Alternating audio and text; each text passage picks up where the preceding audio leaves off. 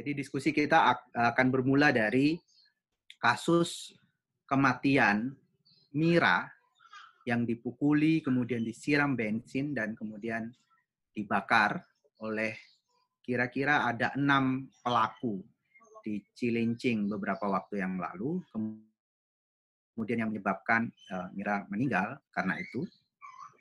Lalu kemudian ini menjadi pembicaraan. Uh, saya tidak tahu sampai sekarang ini, tapi yang saya baca di berita sudah ada tiga pelaku yang ditangkap dan tiga lainnya masih dikejar oleh polisi. Tetapi yang menjadi lebih uh, bermasalah adalah pernyataan polisi yang menyatakan, sebagaimana yang diberitakan New York Times, yang menyatakan bahwa para pelaku melakukan pembunuhan secara tidak sengaja. Ini pengakuan polisi, para pelaku dianggap menyiramkan bensin dan membakar, itu dilakukan secara tidak sengaja oleh uh, para pelaku. Ini bermasalah buat kita karena uh, saya kira ini bukan uh, kali ini saja terjadi kekerasan terhadap kelompok LGBT itu terjadi di banyak tempat di Indonesia. Misalnya di Aceh ada pasangan gay dihukum cambuk misalnya atau di di Bali tahun 2015 ada juga pasangan gay yang menikah kemudian dikecam oleh Gubernur Bali Imade Mangkupastika saat itu dan di tempat-tempat lain ada penggerbegan, ada penangkapan ratusan uh, kelompok uh, eh, LGBT di Kelapa Gading dan seterusnya. Tetapi yang lebih memprihatinkan adalah bahwa berita-berita kekerasan dan diskriminasi terhadap kelompok minoritas seksual ini itu muncul secara tidak proporsional atau secara tidak adil, secara tidak fair di media. Mereka disudutkan, uh, seolah-olah kekerasan dan diskriminasi terhadap mereka itu kemudian punya legitimasi sosial, punya legitimasi moral gitu sehingga kelompok media saya kira sampai saat ini belum menunjukkan sikap yang cukup fair terhadap uh, kelompok LGBT.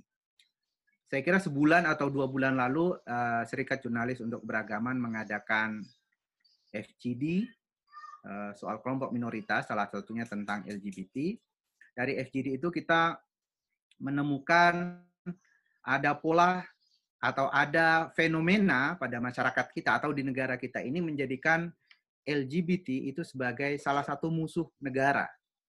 Sehingga kemudian ia muncul dalam bentuk penolakan kelompok LGBT menjadi uh, calon pegawai negeri sipil misalnya. Apalagi masuk tentara dan seterusnya. Jadi ada kesan bahwa LGBT itu dianggap sebagai musuh negara sebagaimana juga kelompok yang disebut sebagai kelompok radikal. Jadi narasi menciptakan satu musuh negara bukan hanya kelompok radikal, bukan hanya kelompok komunis mungkin di masa lalu, tapi sekarang juga memasukkan LGBT. Nah, kondisi semacam ini yang kemudian menyebabkan kelompok eh, minoritas seksual ini menjadi lebih rentan dibanding misalnya kelompok-kelompok lain kalau kita mau bikin perbandingan misalnya minor, uh, eh, diskriminasi dan kekerasan juga dialami kan kelompok-kelompok minoritas lain, tetapi mungkin mereka tidak seberuntung kelompok LGBT yang muncul narasi bahwa mereka ini adalah musuh negara. Nah, itu yang itu yang terjadi sehingga saya kira itu ada hubungannya dengan bagaimana polisi memposisikan diri ketika berhadapan dengan kasus-kasus kekerasan terhadap uh, kelompok ini. Nah, Eh, kemudian ini kemudian menjadi uh, lebih bermasalah ketika kita masuk ke dalam kondisi kita sedang ada wabah virus corona dan salah satu implikasinya adalah implikasi pada ekonomi.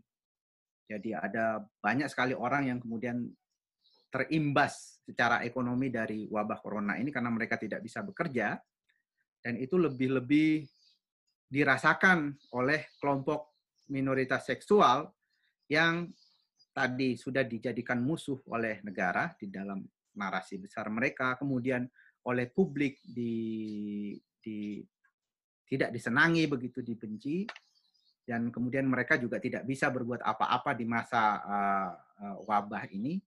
Lalu kemudian ya mereka kehilangan haknya, bantuan sosial misalnya yang mungkin bisa diterima oleh kelompok rentan yang lain, mungkin kelompok ini uh, susah. Nah, kita akan membicarakan itu berangkat dari kasus Mira pembunuhan Mira di Jakarta Utara. Kita ada uh, empat narasumber. Uh, saya akan mulai dari Hanzafina dulu ya uh, untuk uh, membicarakan kasus ini. Saya mungkin kita kasih waktu 10 atau sampai 15 menit untuk masing-masing narasumber. Kemudian setelah Hanzafina kita akan minta pendapat uh, apa namanya Hendrika Mayora Victoria untuk uh, berbicara, lalu kemudian Mas Usman Kangsong mungkin dari perspektif media dan kemudian dari Amnesty International Mas Usman Hamid. Silakan Mbak Hanzafina. Oke, terima kasih. Selamat siang semuanya. Uh, perkenalkan saya Kanza Vina. Uh, sekarang menjabat sebagai Ketua Sanggar Suara. Tadi benar, Sanggar Waria Remaja. Terus uh, saya sudah tidak lagi menjabat sebagai uh, presidium di komite apa namanya di Raiki Right Now. Jadi salam kenal untuk semua teman-teman. Tadi seperti yang sudah disampaikan oleh moderator bahwa mungkin sebagian dari teman-teman sudah mengikuti kasus yang terjadi pada kawan kita Mira yang Eh, delapan hari yang lalu memang apa namanya menjadi korban pengeroyokan lalu dibakar oleh sekelompok preman di Cilincing Jakarta Utara. Uh, kasus ini sebenarnya sudah menjadi uh, apa namanya berita yang uh, luas ya bahkan sampai ke New York uh, ke apa namanya ke New York Times juga sudah mem memberitakan dan bahkan di beberapa media-media internasional lainnya memang disayangkan sekali uh, statement dari pihak kepolisian yang mengatakan bahwa pelaku uh, melakukan itu dengan uh, ada unsur tidak kesengajaan. Tapi dari hasil yang uh, kami lakukan, uh, kebetulan aku juga adalah tim advokasi untuk kasusnya Mira dari hasil temuan yang kami temui di lapangan bahwa memang sebenarnya tidak etis ketika polisi menyebutkan bahwa ini uh, adalah murni uh, ketidaksengajaan karena yang pertama ada unsur uh, uh, apa namanya uh, direncanakan menurutku. Yang pertama adalah uh, para pelaku sempat memberi, uh, membeli bensin dan ketika membeli menurutku itu memang ada unsur kesengajaan dan direncanakan. Yang kedua adalah uh, apa pun uh, alasan para pelaku mereka untuk menakut-nakuti, menyalakan korek uh, untuk menakut-nakuti bla segala macam, tapi ini sudah menghilangkan nyawa teman kami gitu. Dan apa pun alasannya ini harus diproses secara hukum dan uh, kita juga apresiasi dari pihak kepolisian khususnya untuk uh, Polsek Cilincing karena dari malam kejadian sampai uh, tidaknya dari malam kejadian itu besoknya mereka berhasil menangkap tiga dari enam pelaku. Memang pelaku utamanya belum ditemukan dan apa namanya uh, sebenarnya uh, kami kami kami dari teman-teman uh, advokasi untuk kasus Pira ini memang sejauh ini untuk tidak banyak berkomentar di media karena pertama adalah hampir rata-rata kasus yang terjadi sama teman-teman transgender atau teman-teman LGBT ketika sudah menjadi konsumsi publik itu beritanya menjadi simpang siur, beritanya menjadi uh, tidak berimbang. Tadi malam contohnya aku nonton salah satu program uh, eh, TV di Trans 7 namanya Rekonstruksi DPO dan kebetulan salah satu mereka mengangkat uh, apa namanya tindakan kriminalitas yang ada di Indonesia. Dan uh, ada poin-poin mereka memberitakan tentang uh, bagaimana uh, kelompok transgender atau kelompok waria menjadi pelaku kriminalitas. Dan itu di, uh, dikulik sedemikian rupanya. Bahkan kita nggak melihat ketika mereka uh, meliput kasusnya Mira. Misalkan ketika Mira menjadi korban lalu apa namanya kasusnya belum terselesaikan tidak ada berita yang uh, menurutku spesifik untuk uh, apa ya mengulik detail bagaimana uh, peran media dalam membantu mungkin uh, menyelesaikan kasus ini itu nggak ada. Tapi ya itu tadi ketika memang pelakunya adalah teman-teman LGBTIQ itu beritanya bisa berhari-hari gitu loh. Dan ketika uh, korbannya adalah teman-teman transgender atau teman-teman LGBT itu bahkan uh, di media sendiri itu tidak menjadi begitu uh, apa namanya mungkin pemberitaan yang menarik menurut uh, menurut menurut mereka kali ya aku nggak tahu. Nah, uh, kita masih sejauh ini masih berkoordinasi dengan pihak polisian sampai sejauh mana prosesnya. Mungkin di sini juga aku pengen menyampaikan kepada teman-teman, mungkin ketika ada teman-teman wartawan atau pihak-pihak yang lain ingin menanyakan detail kasusnya, mungkin bisa ditanyakan langsung kepada uh, kepolisian yang ada di uh, di Polsek Cilincing ya biar beritanya nggak simpang siur karena kemarin yang ngeluarin statement itu adalah si Polres Jakarta Utaranya kayak gitu. Uh, ini bukan kasus yang pertama yang terjadi pada Mira. Ini kasus uh, di awal tahun yang cukup besar memang kasusnya uh, kasus Mira ini. Tapi di beberapa tahun yang lalu mungkin teman-teman ingat banyak sekali kasus-kasus persekusi kekerasan terjadi sama kelompok kelompok-kelompok transgender perempuan atau kelompok-kelompok LGBTIQ yang ya kita tahu pemerintahannya uh, cenderung negatif gitu. Misalkan kayak kasusnya Aceh, kita tahu ada 13 korban dan pelakunya adalah uh, aparat kepolisian dan yang kami tahu sampai sekarang uh, pelakunya hanya dipindah tugaskan saja dari posisi dari tempat uh, sebelumnya kayak gitu. Dan yang kedua misalnya kayak kasus yang di Lampung penyiraman teman-teman transgender yang oleh Satpol PP dengan uh, alat pemadam kebakaran, mereka dipermalukan dan segala macam sampai sejauh ini juga aku nggak tahu lagi perkembangan kasus mereka seperti apa dan belum lagi kasus-kasus yang dilakukan oleh ormas-ormas agama yang memang mereka uh, waktu kalau nggak salah uh, di Cirebon itu mereka sedang ngamen dan mau berjalan ngamen gitu sekelompok ormas uh, agama mendatangi mereka lalu memvideokan lalu menyuruh mereka bertaubat dan mencuci muka mereka memang dipermalukan seperti itu. Aku lagi-lagi berbicara dalam konteks bagaimana kami sebagai orang-orang transgender, kami sebagai orang-orang yang dianggap berbeda dengan kelompok mayoritas, merasa bahwa memang media mengambil peran penting bagaimana uh, kehidupan kami di lapangan sebenarnya. Pasca pemberitaan media yang memang marak uh, menggiring opini masyarakat untuk cenderung mendiskriminasi, lalu melakukan uh, apa namanya stigma dan berujung pada apa namanya tindakan-tindakan kekerasan itu adalah buah dari bagaimana media itu memberitakan teman-teman LGBTIQ khususnya teman-teman transgender perempuan. Sangat disayangkan. Aku selalu bilang dari uh, apa tagline, judul, isi berita yang dituliskan sama kawan-kawan media itu berdampak kepada bagaimana kehidupan teman-teman di lapangan.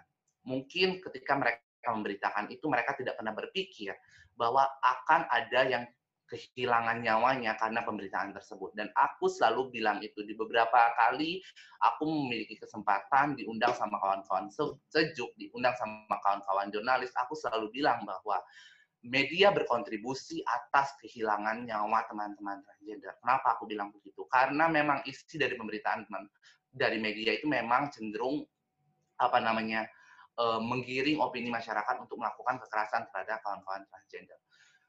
Aku lagi-lagi berbicara atas nama kawan-kawan. Kami selalu kami tidak perlu untuk kalau memang tidak bersepakat, kalau memang tidak apa namanya tidak tidak setuju bertentangan dengan nilai-nilai yang masing-masing orang anut, itu oke okay, nggak ada masalah. Karena kami juga tidak menuntut kalian untuk mendukung uh, apa namanya harus pro kepada kita, harus mendukung kita tidak ya. Ya, tapi yang kami harapkan adalah bagaimana nilai-nilai kemanusiaan itu juga harus dimunculkan gitu loh. Oke, tidak apa-apa tidak bersepakat, tapi jangan menghilangkan hak atas pekerjaannya, teman-teman kami tidak apa tidak bersepakat, tapi bagaimana caranya untuk tidak uh, melakukan pemberitaan yang cenderung uh, me menyudutkan kami. Lalu untuk teman-teman yang apa namanya pemerintah juga bagaimana itu oke okay, kalau kalian tidak bersepakat ya jangan gunakan kami sebagai bahan politik untuk kalian kampanye. Dulu kami ingat banget ketika pilpres uh, terus mau pilkada itu berita LGBT itu naik terus aja. Nggak ada satupun orang yang peduli bagaimana dampaknya di lapangan.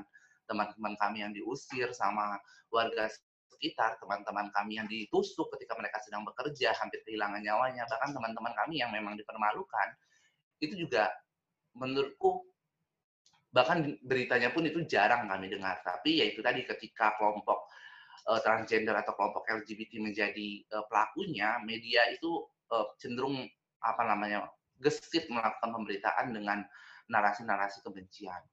Contoh aku ambil kasusnya LL.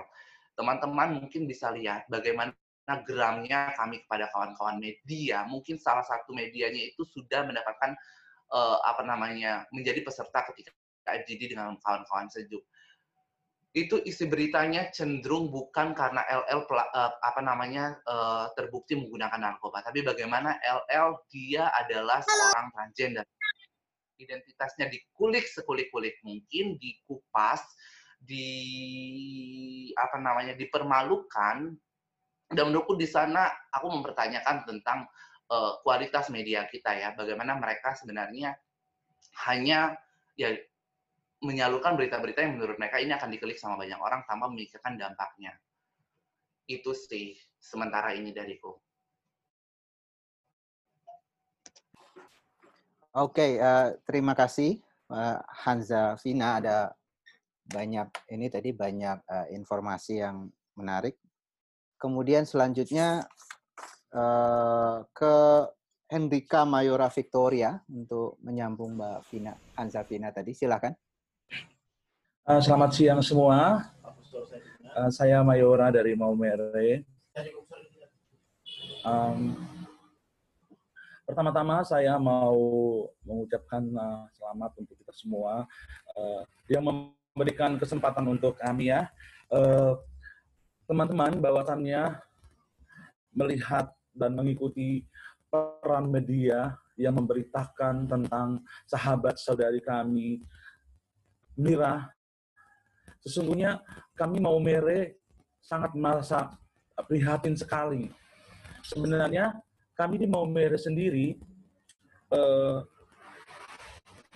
melihat itu menjadi sesuatu yang menyakitkan. Bahwasannya di Maumere itu untuk teman-teman uh, keberagaman gender, teman-teman minoritas seksual, seksualitas itu uh, hidup di sini berdampingan dengan uh, dengan baik, dengan damai. Untuk itu kalau saya melihat bahwasannya uh, Mira diperlakukan dengan kekerasan yang luar biasa sampai dengan media itu mengeluarkan berita bahwasannya perlakuan yang dilakukan oleh polisi itu adalah satu tindakan yang tidak sengaja. Menurut saya itu sangat-sangat sangat-sangat kurang ajar dan itu sangat-sangat tidak tidak pas untuk kami. Oleh sebab itu eh, diskusi-diskusi kami dengan teman-teman komunitas di sini bagaimana uh, peran media itu akan berdampak. Karena di sini kami berjaga-jaga juga. Kami berjaga-jaga dalam arti apa? Mau merah ini aman, damai. Kemudian uh, situasi itu kalau dibaca dan dilihat oleh seluruh seluruh manusia masyarakat itu akan memberikan efek juga untuk kami di Maumere. Oleh sebab itu saya uh, melihat uh, dengan situasi badai yang besar COVID-19 ini, itu berdampak sekali untuk kami, waria. Kenapa? Karena dari segi pekerjaan kami, kami itu eh, teman-teman uh, banyak di salon, untuk di Maumere, banyak yang tukang masak untuk di pesta-pesta, di pengantin-pengantin. Kemudian uh, itu berdampak untuk teman-teman. Bahwasannya mereka tidak bisa mendapatkan pelanggan, berusaha dan bekerja, sehingga mereka susah. Tetapi di sisi lain kami juga merasa prihatin dengan teman-teman kami di luar Maumere yang bahkan di tengah badai ini mereka harus uh, mati, dibunuh dengan sesuatu yang tidak benar. Bahkan bukan sakit karena corona, tapi sakit karena dibunuh karena tidak memiliki kebersamaan, tidak memiliki kesamaan dalam gender dan seksualitas. Untuk itu, uh, sharing saya bagaimana saya melihat bahwa media di Maumere dan media NTT, teman-teman kalau uh, yang lain sudah mendapatkan share dari saya. Teman-teman media di Maumere uh, dan di NTT itu yang saya tahu dan saya rasakan adalah teman-teman media dari Poskupang, dari Ekora, dari Maumere News, mereka sangat ramah sekali dengan keberagaman gender dan seksualitas.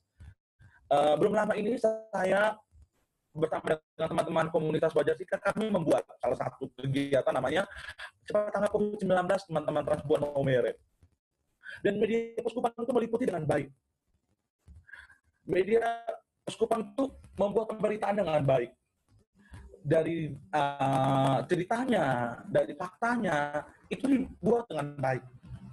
Begitupun uh, kejadian yang berulang ini ketika saya dipercayakan untuk uh, mendapat kemenangan dalam perolehan suara di BPD, itu pun uh, media meliputi dengan baik kadang-kadang saya pun mengalahkan ataupun teman-teman media tanya media di Maumere di NTT tanya e, Bunda Mayora ini bahasa sudah pas atau belum Ataupun saya langsung minta, sebelum untuk dinaikkan ke media, boleh saya minta lihat draftnya dulu.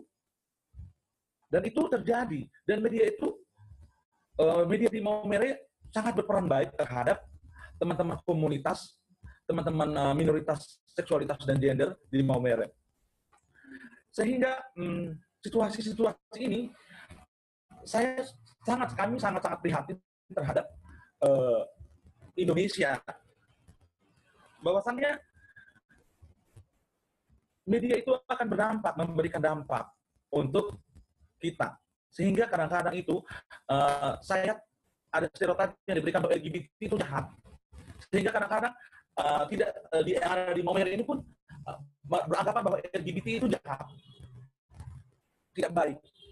Nah, di sini kami punya peran untuk bagaimana uh, membangun inklusi dengan masyarakat uh, Fajar Sika uh, bersama dengan teman-teman kami berinklusi dengan masyarakat. Dalam hal ini, uh, oke, okay, kami mencari donasi untuk teman-teman komunitas, tapi kami tidak lupa juga untuk masyarakat kecil, seperti mama-mama janda, orang-orang buruh, kemudian situasi-situasi uh, yang lain yang uh, berakibat dari apa COVID-19 ini.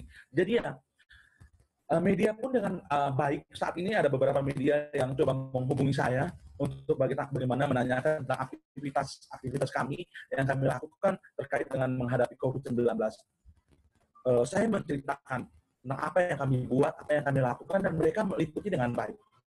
Begitu kalau saya lihat media-media uh, besar, seperti ada beberapa TV yang kemarin, teman-teman uh, kalau li lihat atau nonton, eh, TV mana itu juga sudah salah sekali mengikuti pemberitaan menaikkan sampai dengan uh, meliputi pemberitaan tentang Maumere yang yang salah. Terkait dengan kemarin ada kapal yang masuk terus uh, ada katanya ada ABK yang lompat ke laut dan uh, tenggelam. Karena itu uh, terpapar COVID-19 dia lompat ke laut. Padahal tidak seperti itu. Salah.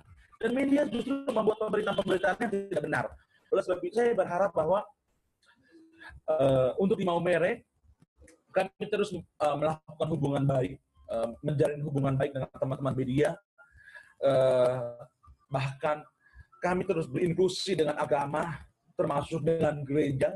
Di sini gereja juga sangat ramah dengan kami, memberi ruang yang baik untuk kami, sehingga kami di Maumere terus melakukan itu terkait dengan uh, menghadapi COVID-19 ini, teman-teman banyak yang stres karena uh, ekonomi mereka sangat-sangat susah. Tetapi kami memberikan penguatan melalui penguatan psikologi mereka dengan uh, para pastor saya mem uh, memberikan uh, penguatan. Juga ada teman-teman yang lain yang memberikan penguatan. Untuk itu ya saya berharap bahwa mari kita bersama-sama untuk uh, menghilangkan stigma itu uh, eh, okay. dengan cara kita mau berinklusi. Oke, okay. uh, eh, Bunda Mayora, sedikit informasi buat kawan-kawan. Bunda Mayora ini baru saja terpilih menjadi Ketua Badan Permusyawaratan Daerah BPD Desa Habi, Kecamatan Kangai, ya, Kabupaten Sika, NTT. Yang salah satu programnya adalah ingin mendorong uh, mendorong pembuatan perdes yang ya, salah, satu, salah satunya mengakomodir hak-hak LGBT. Kemudian komunitas Fajar Sika yang diketuai oleh uh, Bunda Mayora ini juga melakukan aksi pemberian bantuan sembako kepada waria, terutama waria langsia di uh, Sika. Mungkin itu bisa diceritakan, uh, Bunda Mayora. Uh, jadi ketika saya berhadapan dengan teman-teman uh, di Maumere yang saat itu saya dipercayai on, oleh RT dan uh, eh, RW untuk menjadi salah satu kandidat yang harus dipilih menjadi wakil masyarakat di desa.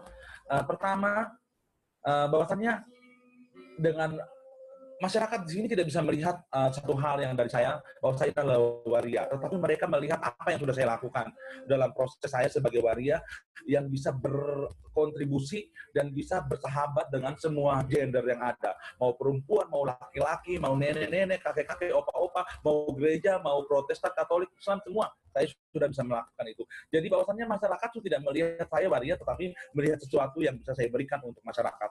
Sehingga waktu itu saya menang melawan enam uh, uh, kandidat yang terpilih, yang tidak bisa terpilih.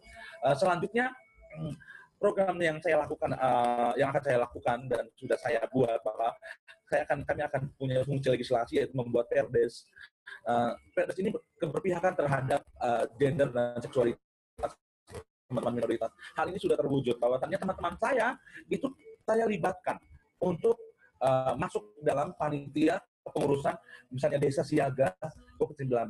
Teman-teman itu masuk dalam tim relawan dan teman-teman bisa bekerja dan teman-teman dihargai di sana tanpa menutup diri mereka sebagai waria. Mereka berinteraksi sebagai waria. Justru mereka punya kontribusi lebih dan bisa dipercayai. Karena teman-teman disiplin, bangun pagi untuk masak, bagi relawan, teman-teman bekerja sungguh-sungguh, dan itu yang dilihat oleh masyarakat. Uh, sehingga eh, orang-orang itu tidak kaget dengan kami waria. Kenapa? Mereka tidak melihat kami punya lipstick, kami punya rambut, kami punya gaya, tapi mereka melihat kemampuan yang kami punya, yang kami bisa berikan untuk masyarakat di sini. Sehingga uh, saya bersyukur bahwa barusan belum lama, belum lama di atau BPD ya, tapi ya kontribusi baik uh, penerimaan baik masyarakat terhadap teman-teman minoritas gender dan seksualitas di sini. Oleh sebab itu ada teman saya sekitar lima, enam orang yang sudah bisa terlibat di desa dan itu sangat baik sekali karena sedikit lagi mereka akan masuk di kabupaten untuk dipilih menjadi anggota PKK juga terpilih menjadi pengurus-pengurus lainnya. Untuk itu terima kasih uh, untuk Momere sangat aman dan sangat ramah untuk saya. Oke, okay, uh, eh, ter terima kasih banyak uh, Bunda Mayora. Uh, sekali lagi saya ingatkan kepada kawan-kawan yang ingin nanti uh, ikut berkomentar atau bertanya, menanggapi, silahkan tuliskan dulu poin-poinnya di chat, kemudian nanti saya akan persilahkan biar efektif waktu kita. Selanjutnya saya persilahkan ke Mas Usman Kamsong, Direktur Pemberitaan Media Indonesia atau Media Group. Nanti di konfirmasi. Uh, ini soal pandangan Mas Usman ya sebagai sesepuh di media. Soal bagaimana sebetulnya media sekarang ini menempatkan uh, isu yang menimpa kawan-kawan uh, minoritas seksual. Karena uh, kita tahu kalau di masa lalu kan juga media-media di, di nasional itu punya masalah juga terhadap bagaimana mereka memberitakan minoritas-minoritas yang lain, minoritas agama misalnya. Tetapi saya kira beberapa tahun belakangan ini ada sedikit perubahan walaupun di daerah kita masih masalah. Tetapi yang tertinggal adalah komunitas LGBT. Ini nampaknya belum ada perubahan secara secara sepintas ya kita lihat di media. Silakan Mas Usman.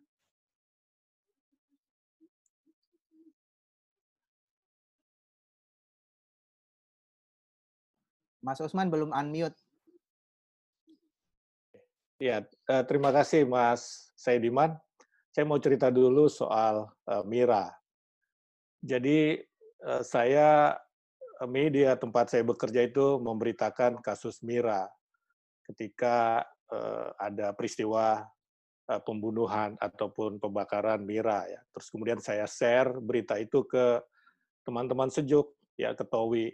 Lalu kemudian kita diskusikan lewat WA dan tiba-tiba Mas Towi mengatakan bahwa kita akan ada diskusi virtual yang hari ini kita laksanakan. Kemudian saya uh, coba search di uh, Google bagaimana media memberitakan kasus Mira ini. Kalau saya perhatikan hanya 2 sampai 3 media yang memberitakan kasus pertamanya. 2 sampai 3 media online. Ya, eh, selebihnya saya perhatikan itu follow up beritanya. Artinya kalau berita yang pertama itu sumbernya dari teman-teman transpuan, dari Twitter. Twitter teman-teman transpuan. Tapi berita follow up-nya itu sudah dari polisi. Artinya apa?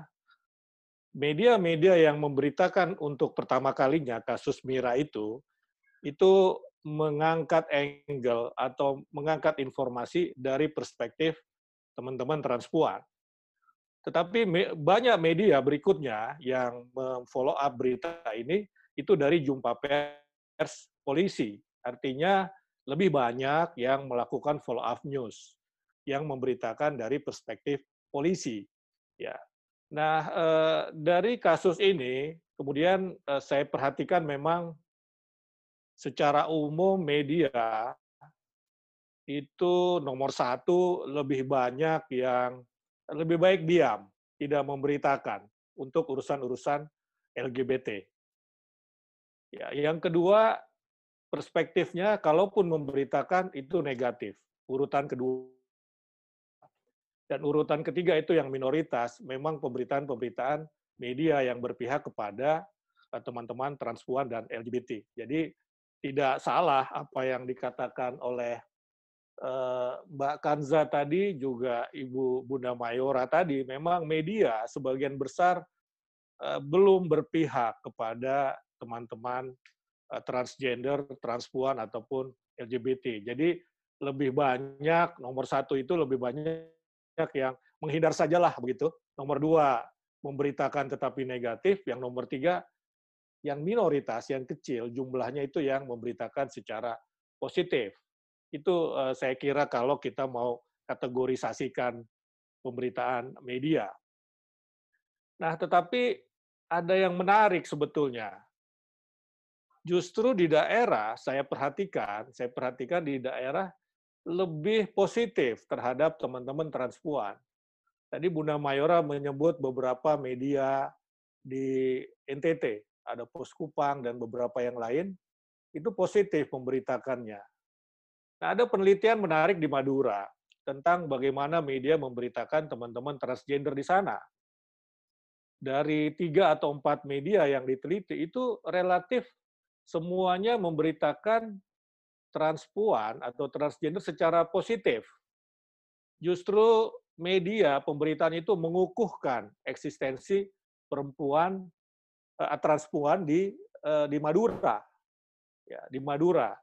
Nah, artinya apa? Jangan-jangan justru media daerah yang lebih mengakomodasi teman-teman transpuan daripada media-media nasional. Tadi uh, Kanza itu kan sempat sebut satu media TV nasional ya yang memberitakan yang negatif lah terhadap uh, transpuan. Jangan-jangan justru media daerah Kenapa media daerah lebih lebih terbuka, lebih eh, positif, lebih mengakomodasi? Mungkin karena kedekatan juga, ya kedekatan. Dengan gampangnya teman-teman media di Kupang misalnya itu berkomunikasi dengan eh, Bunda Mayora misalnya, melihat secara langsung. Nah, kadang-kadang media nasional tidak punya kemewahan seperti itu atau mungkin kemalasan begitu, ya. Jadi eh, saya kira memang media masih bermasalah dalam memberitakan LGBT. Contohnya di tempat saya. Ya, di tempat saya kita meliput transpuan di Madura. Sudah masuk di online. Nah, kemudian eh, teman-teman mengusulkan untuk dimuat juga di edisi cetak. Kelihatan ada keengganan para redaktur untuk memuat itu di media cetak. Sementara online-nya sudah dimuat, bahkan Towi dari Sejuk itu meminta media-media lokal di Madura untuk mengutip. Saya bilang silahkan saja, itu baik. Nah itu itu uh, salah satu contoh bahwa di dalam media sendiri orang-orangnya, apakah itu redaktur, ya itu masih berpikiran uh, ya tidak akomodatif lah terhadap uh, teman-teman LGBT. Ya saya pernah menurunkan berita tentang teman-teman LGBT mewawancarai Prof. Yuryu Hasan. Tapi besoknya di rapat redaksi saya dipertanyakan oleh teman-teman lain. Gitu. Artinya apa? Eh, ideologi dalam pemberitaan transpuan itu belum merata di kalangan teman-teman media. Nah karena itu tadi kalau eh, Kanza mengatakan itu yang eh, meliput berita atau menurunkan berita yang negatif terhadap transpuan atau LGBT itu pernah ikut FGD sejuk loh begitu. Nah mungkin di dianya itu sudah terbentuk ideologi uh, yang sensitif gender. Tetapi teman-teman dia di di uh, redaksi, di kantor, redakturnya kah, pemretnya kah, itu belum punya uh, sikap yang sensitif gender.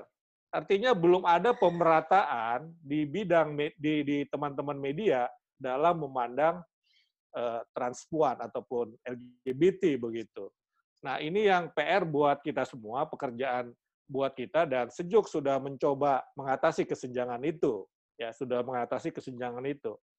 Bahkan ada pemimpin redaksi yang saya uh, punya grup dengan para pemret, itu ada yang memang uh, benci setengah mati dengan LGBT begitu di dalam diskusi-diskusi kita, ya dalam diskusi diskusi kita.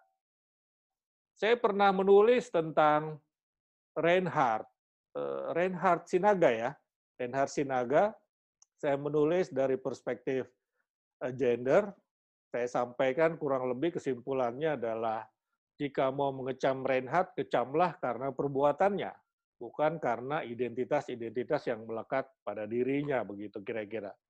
Nah, tulisan itu di-share oleh Hartoyo, oleh Toyo ya di di Facebooknya. Nah, baru kemudian saya berani mencoba men-share tulisan saya itu di grup forum Pemret. Nah, eh, banyak yang merespon positif, tetapi banyak yang tidak memberikan respons. Agak berbeda ketika misalnya saya men-share tulisan yang berbeda, tulisan lain maksud saya misalkan tentang COVID-19 atau tentang ayo jaga jarak, tentang saya pernah menulis misalnya Tuhan tidak gaptek ya, misalnya tentang uh, ya beribadah di rumah saja begitu. Itu respons hampir semua Pemret itu merespon secara positif tulisan itu. Tetapi ketika saya menulis soal Reinhardt, ya bisa dihitung dengan jari siapa yang merespons. Ya saya tahu masih banyak uh, pemret yang memang uh, berpikiran negatif terhadap LGBT karena berbagai hal, pemahamannya yang kurang, pengetahuannya yang kurang, atau mungkin karena agama, ajaran agama begitu. Saya lebih melihat karena memang pemahaman mereka yang kurang. Jadi sering kali kita kan we hate what we don't know kita sering kali membenci yang tidak kita ketahui, tidak kita kenal. Nah, pengenalan-pengenalan, pengetahuan-pengetahuan tentang transgender, tentang LGBT menjadi penting uh, buat media, ya, menjadi penting buat media.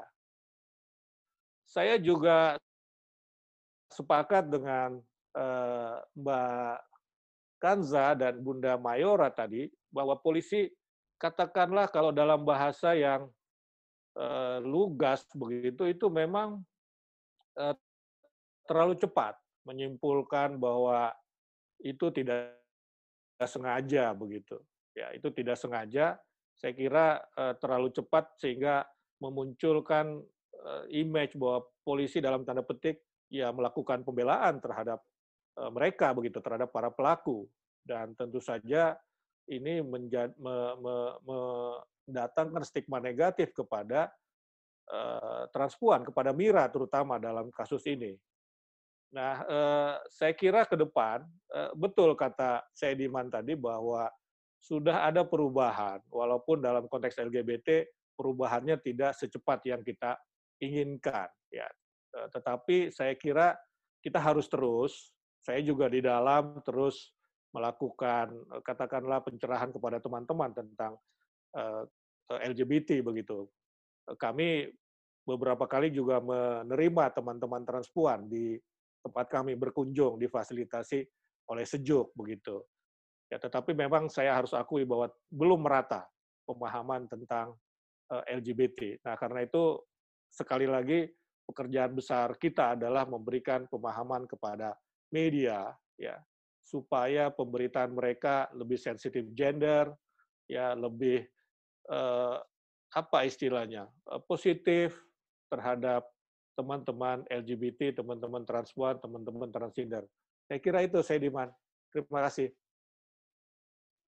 Oke, terima kasih banyak Mas uh, Usman Kansong. Ini pemetaan yang tadi sangat menarik. Uh, Mas Usman mengatakan bahwa media sebetulnya yang paling besar adalah mengambil sikap yang diam terhadap peristiwa Mira itu dan mungkin juga peristiwa peristiwa kekerasan terhadap LGBT yang lain.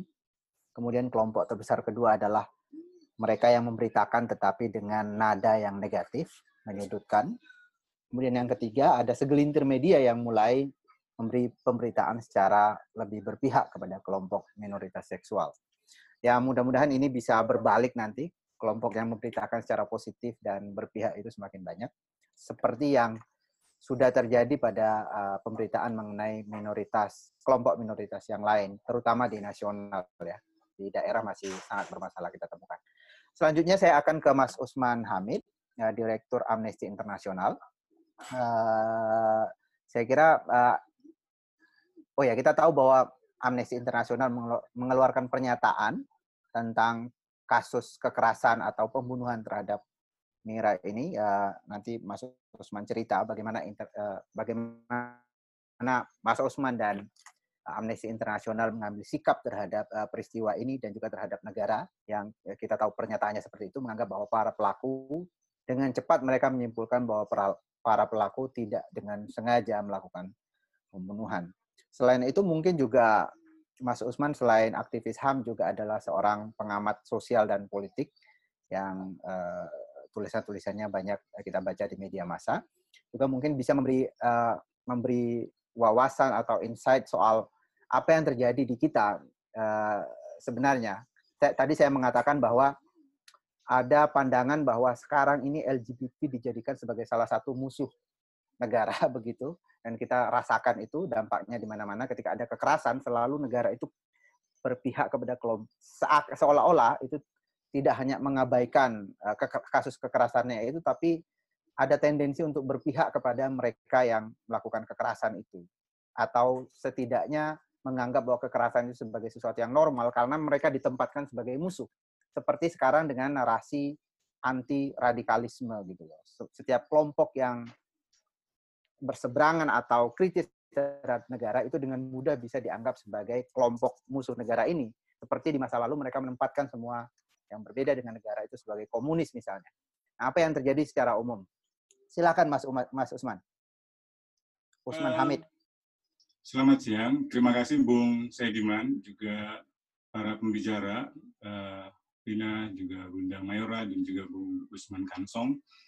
Ada beberapa hal yang ingin saya sampaikan untuk menjawab pertanyaan tadi. Yang pertama, Amnesty International mengamati sebenarnya perkembangan di tingkat global tentang munculnya apa yang kami sebut sebagai politics of demonization, politik demonisasi atau politik pensetanan. Gitu. Jadi ada satu usaha dari sejumlah elit uh, yang kemudian muncul sebagai pemimpin populis uh, untuk mengedepankan retorika-retorika yang membelah, yang memanfaatkan sentimen kebencian terhadap sekelompok orang tertentu. Dan biasanya kelompok orang ini yang dipandang berbeda di dalam masyarakat dan dalam jumlah yang sedikit. Eh, sebagai contoh adalah kelompok-kelompok minoritas yang mengalami persekusi dan kekerasan di banyak negara. Di India misalnya eh, retorika retorika politik eh, politisi era pemerintahan Narendra Modi itu menyudutkan minoritas Muslim. Begitu pula juga di Burma.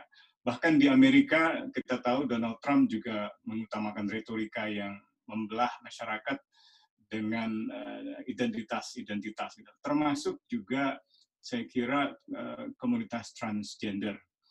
Um, di beberapa waktu lalu, majalah Times misalnya me melaporkan setidaknya terjadi 20 kasus pembunuhan dengan kekerasan yang dialami oleh waria atau oleh transgender community. Dan beberapa tahun lalu bahkan Donald Trump juga mencoba mengenalkan satu policy baru untuk meredefinisi apa yang disebut sebagai gender, apa yang disebut sebagai male, laki-laki, dan female, perempuan, dan seterusnya gitu. Nah, eh, usaha-usaha ini sebenarnya uh, bukan hal yang uh, khas di negara-negara tersebut, tapi juga di, di Indonesia. Kasus Mira ini bukan yang pertama, seperti tadi disampaikan, dan bahkan bukan tidak pernah diangkat masalah-masalah semacam ini. Ada dua dimensi dalam kasus Mira itu. Yang pertama adalah penghakiman massa atau sering kali di, disebut dalam istilah bahasa Inggris itu lynching. Orang dituduh mencuri misalnya amplifier sebuah musola lalu kemudian dihakimi dengan kekerasan, dibakar sampai dengan uh, dibunuh. Yang kedua adalah dimensi kejahatan kebencian, gitu, di mana Mira menjadi korban kekerasan lebih karena identitas gendernya. Gitu. Nah, kasus-kasus semacam ini sudah beberapa kali dilaporkan secara baik, misalnya oleh Human Rights Watch di tahun 2016 dan juga 2018 saya kira mereka menggarisbawahi situasi yang memburuk uh, untuk kebebasan berekspresi para waria atau komunitas LGBTIQ secara keseluruhan, termasuk ketika mereka berkumpul atau mereka mengakses informasi, sampai dengan keamanan mereka. Laporan itu juga menggarisbawahi situasi di Aceh uh, yang memang secara khusus dapat dikatakan juga memperlihatkan meningkatnya Eh, kampanye anti-LGBT dengan dampak yang sangat negatif terhadap program-program kesehatan eh, bagi mereka. Laporan lain yang juga pernah menyebut dan menulis tentang kondisi LGBTIQ adalah eh, laporan USAID dan UNDP. Itu kondisi hak asasi manusia untuk komunitas transgender, termasuk di garis bawahi di Asia dan juga di Indonesia. Mulai dari struktur hukumnya, struktur legalnya, kondisi masyarakatnya secara sosial sampai dengan uh, aspek kebudayaannya gitu dan juga kondisi-kondisi di Aceh juga di, di, di, diuraikan di dalam laporan tersebut. Lalu uh, ILO juga pernah melihat situasi kerja dari para uh, komunitas LGBT dan bagaimana diskriminasi terhadap mereka di tempat kerja itu dilakukan karena atau berdasarkan orientasi seksual mereka atau karena identitas uh, gender mereka. Nah, laporan itu hampir seluruhnya mencakup tentang diskriminasi di tempat kerja. Uh, Mira adalah orang yang saya kira tidak mendapatkan privilege itu untuk mendapat kerja yang layak, tetapi apa yang terjadi padanya tidak lepas dari apa yang menjadi uh, profesi pekerjaannya. Gitu.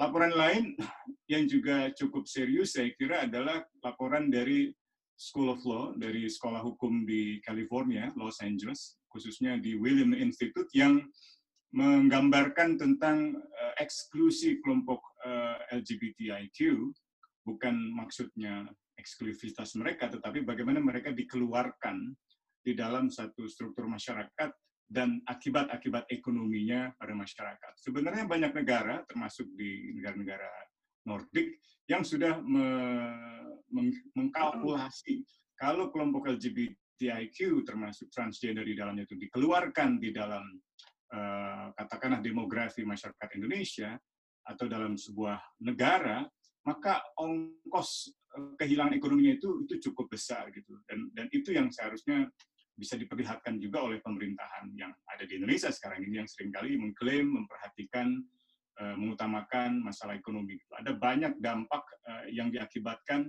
oleh diskriminasi, persekusi eh, terhadap kelompok transgender. Di Aceh, kasus 2018 yang paling menonjol adalah penutupan salon-salon kecantikan yang dimiliki oleh komunitas transpuan di sana. Belum lagi kasus penangkapan oleh pihak kepolisian yang tadi disebut oleh Vina dan hukumannya ternyata hanya dipindahkan tugas gitu. Nah, kasus-kasus semacam itu sebenarnya bukan hanya uh, sebuah masalah serius kalau dilihat dari uh, prinsip toleransi, prinsip non-diskriminasi, tetapi juga uh, hak atas kerja mereka, hak di tempat kerja uh, mereka itu juga terdampak. Nah, ini yang juga harusnya digarisbawahi.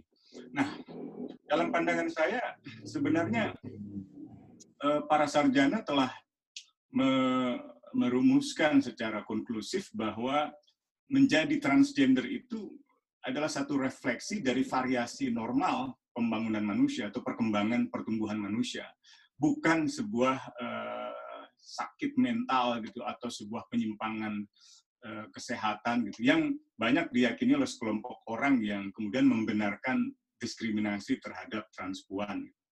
Nah sayangnya itu yang terjadi dan dan banyak sekali Eh, tantangan-tantangan yang mereka hadapi kalau kita simpulkan dari laporan-laporan tadi, pertama dalam konteks mengakses kesehatan, layanan kesehatan atau perawatan kesehatan, apalagi di masa COVID seperti sekarang ini, Yang kedua adalah uh, atas kerja mereka atau di tempat kerja mereka. Lalu yang ketiga adalah perumahan, tidak sedikit di antara mereka yang juga tidak punya rumah. Dan yang paling mutakhir dalam kasus Mira adalah akses pada sistem keadilan. Nah, kita tahu uh, dalam pengalaman di banyak negara, banyak sekali kesalahan-kesalahan yang menjadi pola di dalam penanganan kasus-kasus semacam ini dan menimbulkan semacam uh, ketidakpercayaan umum pada kepolisian gitu. Misalnya dari hal yang paling sederhana, sering kali mereka juga bias gitu dan punya semacam stigma atau pandangan tertentu terhadap komunitas transgender khususnya transpuan misalnya.